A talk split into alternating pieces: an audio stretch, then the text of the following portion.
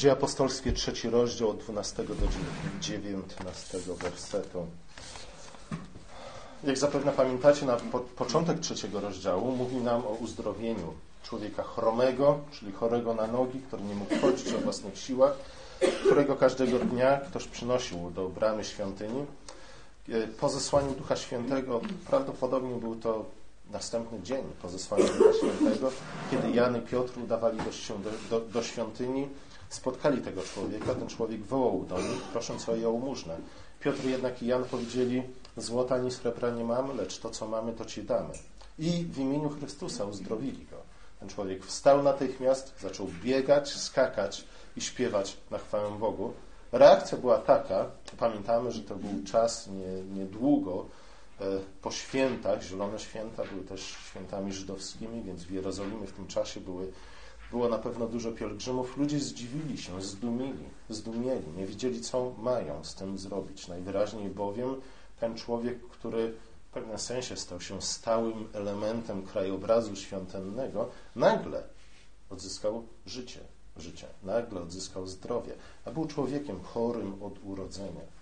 Był człowiekiem, który każdego dnia przez wiele lat zasiadował w tej, w tej bramie. Wszyscy go znali, wszyscy go rozpoznawali. Nie? Mamy do czynienia z oczywistym cudem. Zaraz po tym Piotr zaczyna wyjaśniać, co się wydarzyło, czego świadkami byli, byli ci wszyscy ludzie zgromadzeni tego dnia w świątyni. I wyjaśniając to, co się wydarzyło, Piotr zaczyna od stwierdzenia, że nie uczynił tego we własnej mocy. Uczynił to bowiem Bóg, którego, w którego rękach Piotr był jedynie narzędziem. I pewnie gdyby Piotr poprzestał na tym wyjaśnieniu, tłum jeszcze bardziej wspólnie, jednym głosem, jednym sercem wielbiłby Boga ze względu na ten cudowny przejaw łaski i mocy Bożej. Piotr jednak nie zamierzał zatrzymać się w tej chwili nie? na tych słowach. Gdyby był e, dobrze wyszkolonym politykiem, pewnie by tutaj skończył. Nie? Powiedział, słuchajcie, jest fajnie, będzie jeszcze lepiej. Ale Piotr tak e, nie powiedział, Piotr nie zatrzymał się w tym miejscu ze względu na to, że Piotr był posłany po coś innego, w innym celu. Jego celem było zgłoszenie Ewangelii o Królestwie Bożym, e, a nie sprawianie, żeby tłumy wpadły w ekstazę religijną. Piotr wszystkim w związku z tym popsuł humor. Nie? Niestety to jest to niewdzięczna część naszego powołania. E, powołania, które otrzymaliśmy każdy z nas w ogólności, w szczególny sposób niektóre osoby, iż głosząc Ewangelię bardzo często musimy ludziom psuć dobry humor. Piotr bowiem dodał natychmiast, że uzdrowienie tego chromego człowieka było przyjawem tej samej mocy, którą Bóg wzbudził Jezusa z martwych.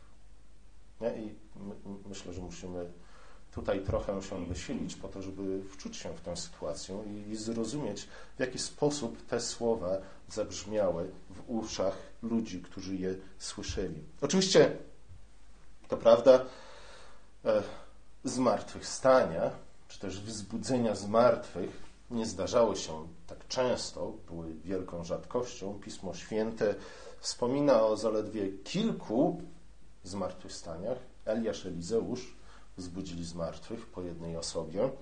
E, Jezus wzbudził z martwych kilka osób. E, nie było to jednak coś codziennego. Ale nie o to w tym chodzi. Nie? Problem tkwił raczej w czymś innym. Problem tkwił w tym, dlaczego Bóg wzbudził z martwych akurat Jezusa Chrystusa. Nie?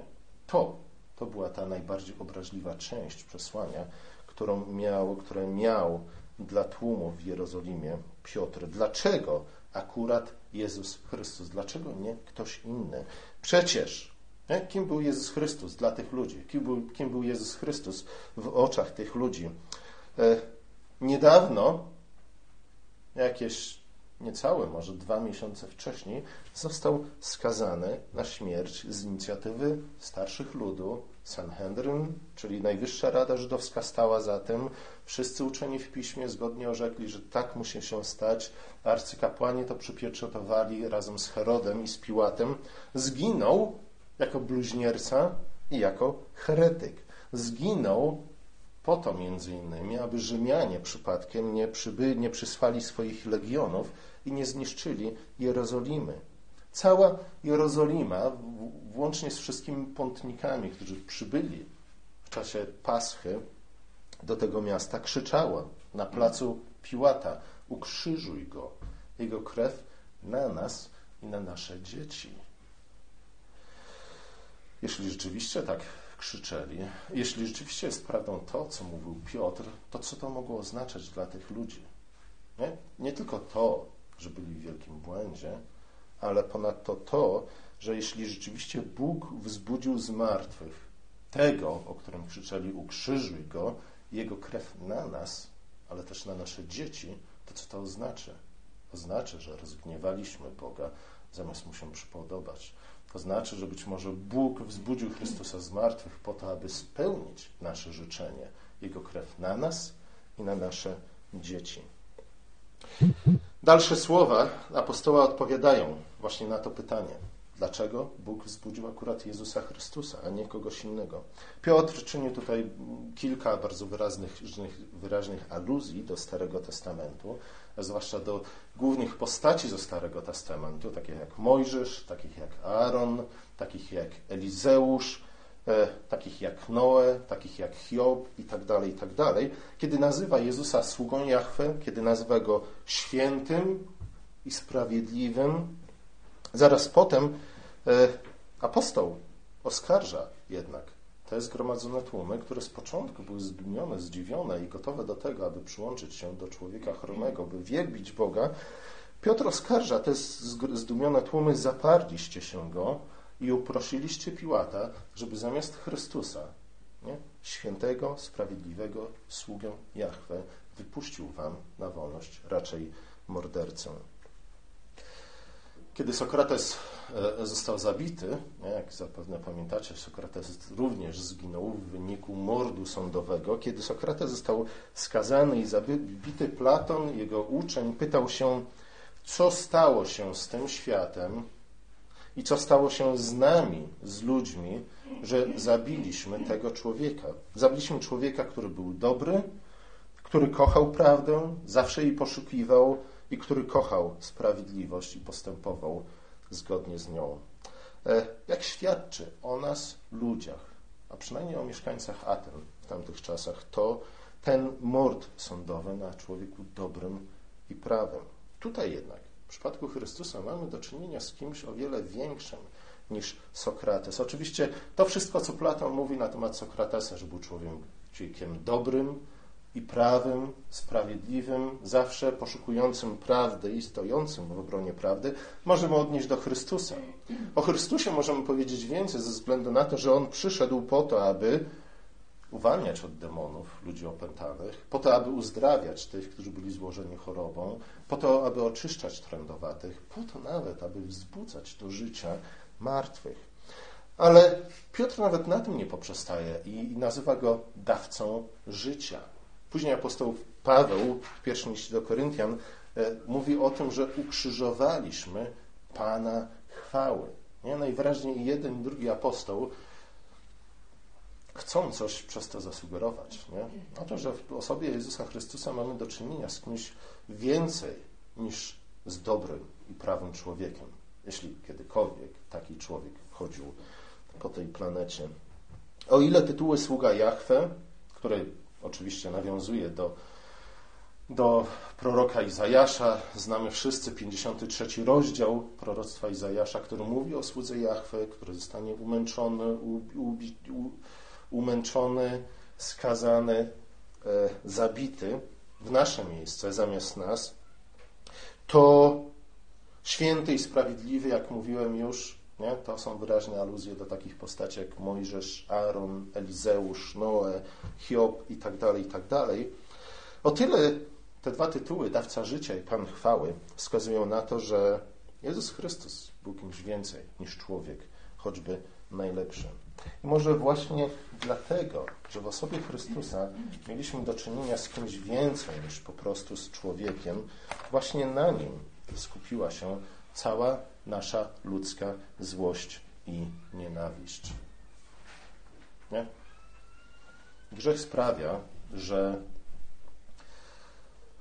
odnosimy się źle do innych ludzi, ale odnosimy się źle do innych ludzi przede wszystkim dlatego, że inni ludzie zostali stworzeni na obraz i podobieństwo Boże. Odnosimy się źle do innych ludzi ze, ze względu na to, że patrząc na naszego bliźniego widzimy Boga, samego Boga, widzimy ich Stwórcę. Nie?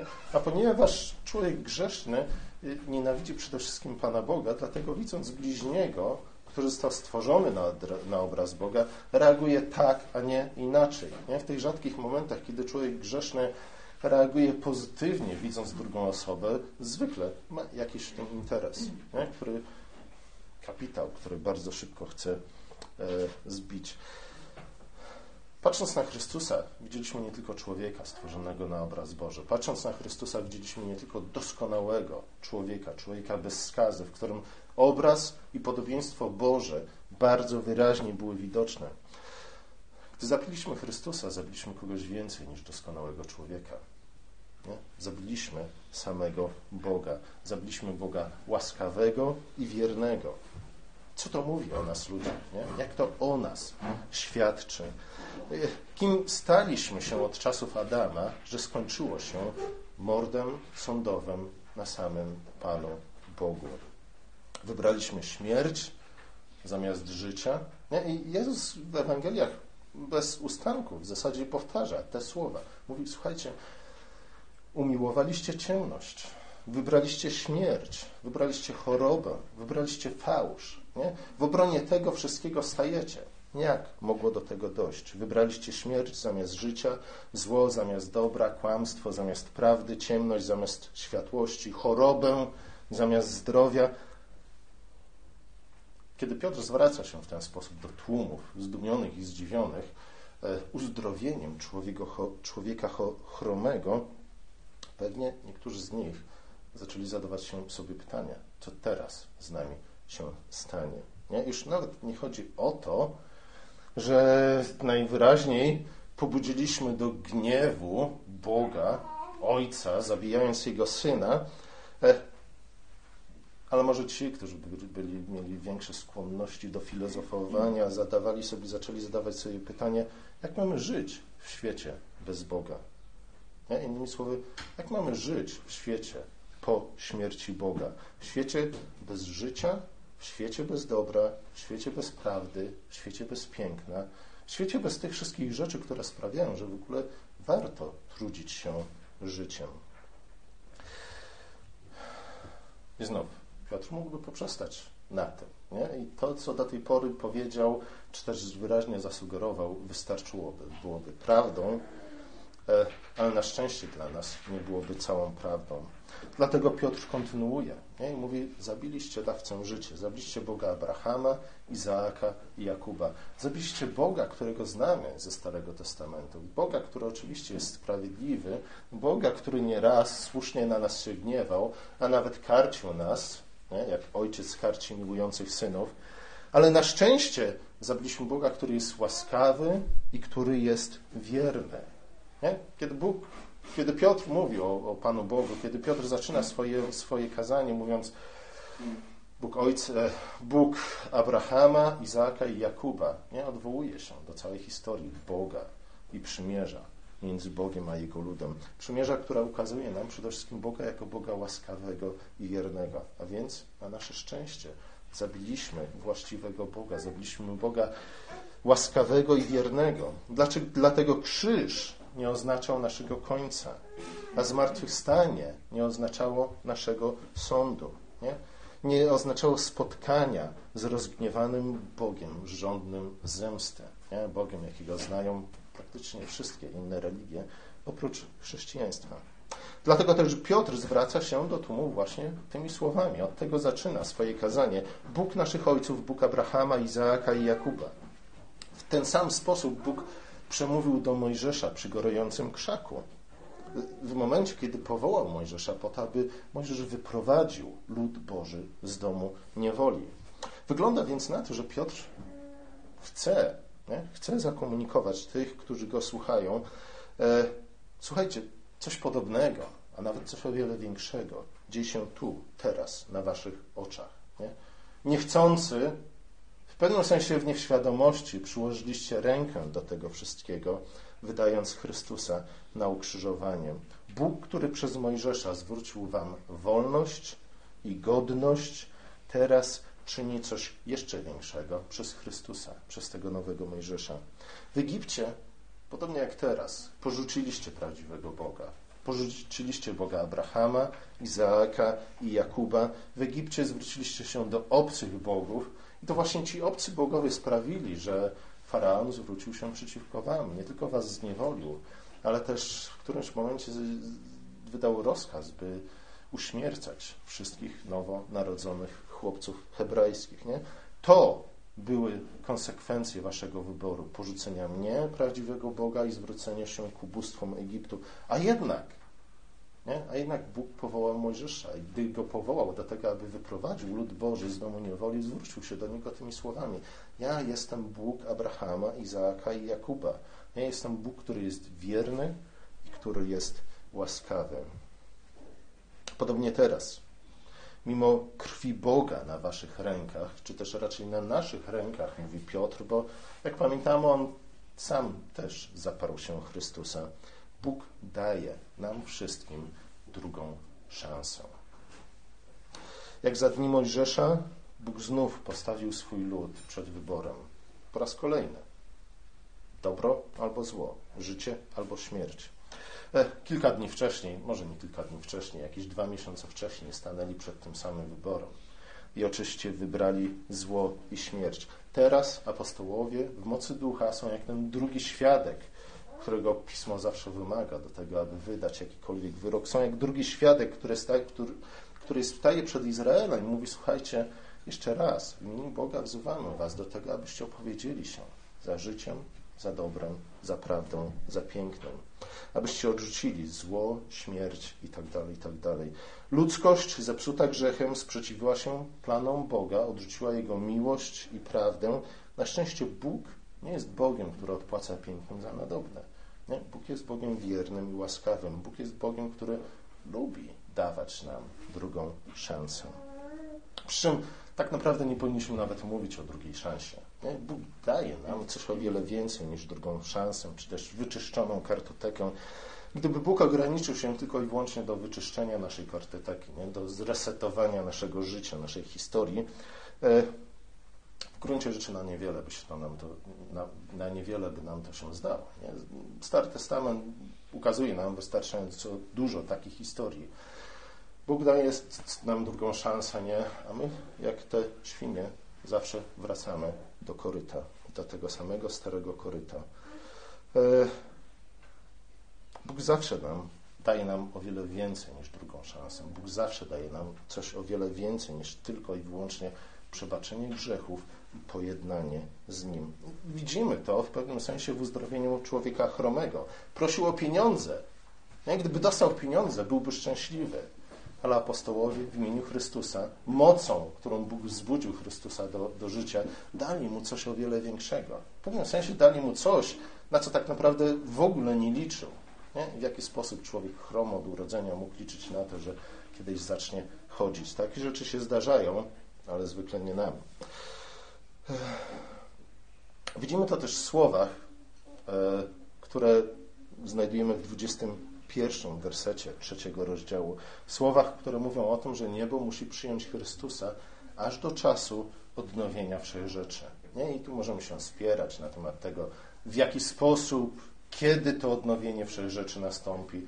Czy to odnowienie wszechrzeczy będzie się postępować stopniowo wraz z historią świata, czy też dokona się natychmiast, w jednej chwili, kiedy Chrystus powróci.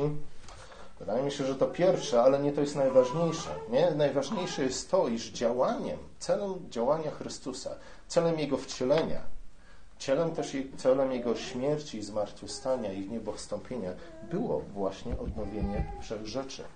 A więc znowu Bóg, Bóg nie jedna nas sobą po to, żebyśmy później o własnych siłach próbowali uczynić coś dobrego. Nie? To nam nigdy nie wyszło i to nam nigdy nie wyjdzie.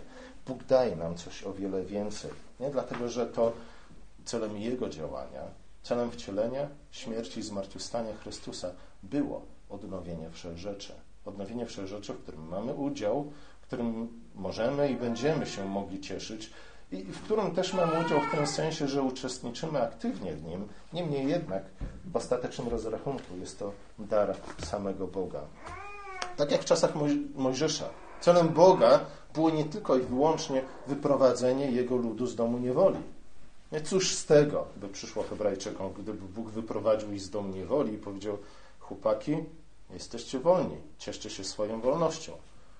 Nie? Bóg tak nie postąpił. Bóg nie postępuje tak również z nami, kiedy wyprowadził nas z królestwa ciemności, jak pisze Paweł w liście do Kolosan, i uczynił nas uczestnikami królestwa Jego Syna. Bóg wyprowadził Hebrajczyków z domu niewoli po to, aby zaprowadzić ich do ziemi obiecanej.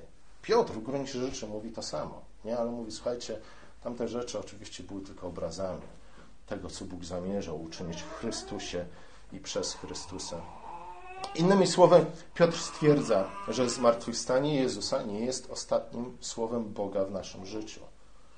Nie? Że jest raczej momentem, który wyznacza nowy początek dla nas wszystkich. Nie? I o tym to mam na myśli, kiedy mówią o drugiej szansie, którą Bóg nam daje, drugiej szansie, na którą nikt z nas nie zasłużył, bo zasłużyliśmy raczej na coś innego. E, choć sami z siebie potrafimy, nie, jako upadła ludzkość, jedynie zabierać życie, jedynie psuć to dobro, którym Bóg nas obdarza, to jednak Bóg jest tym, który udziela nowego życia. Chrystus jest dawcą życia. Wydawało nam się, że jesteśmy w stanie zabić dawcę życia, ale nie ma nic bardziej absurdalnego, jak właśnie ta myśl.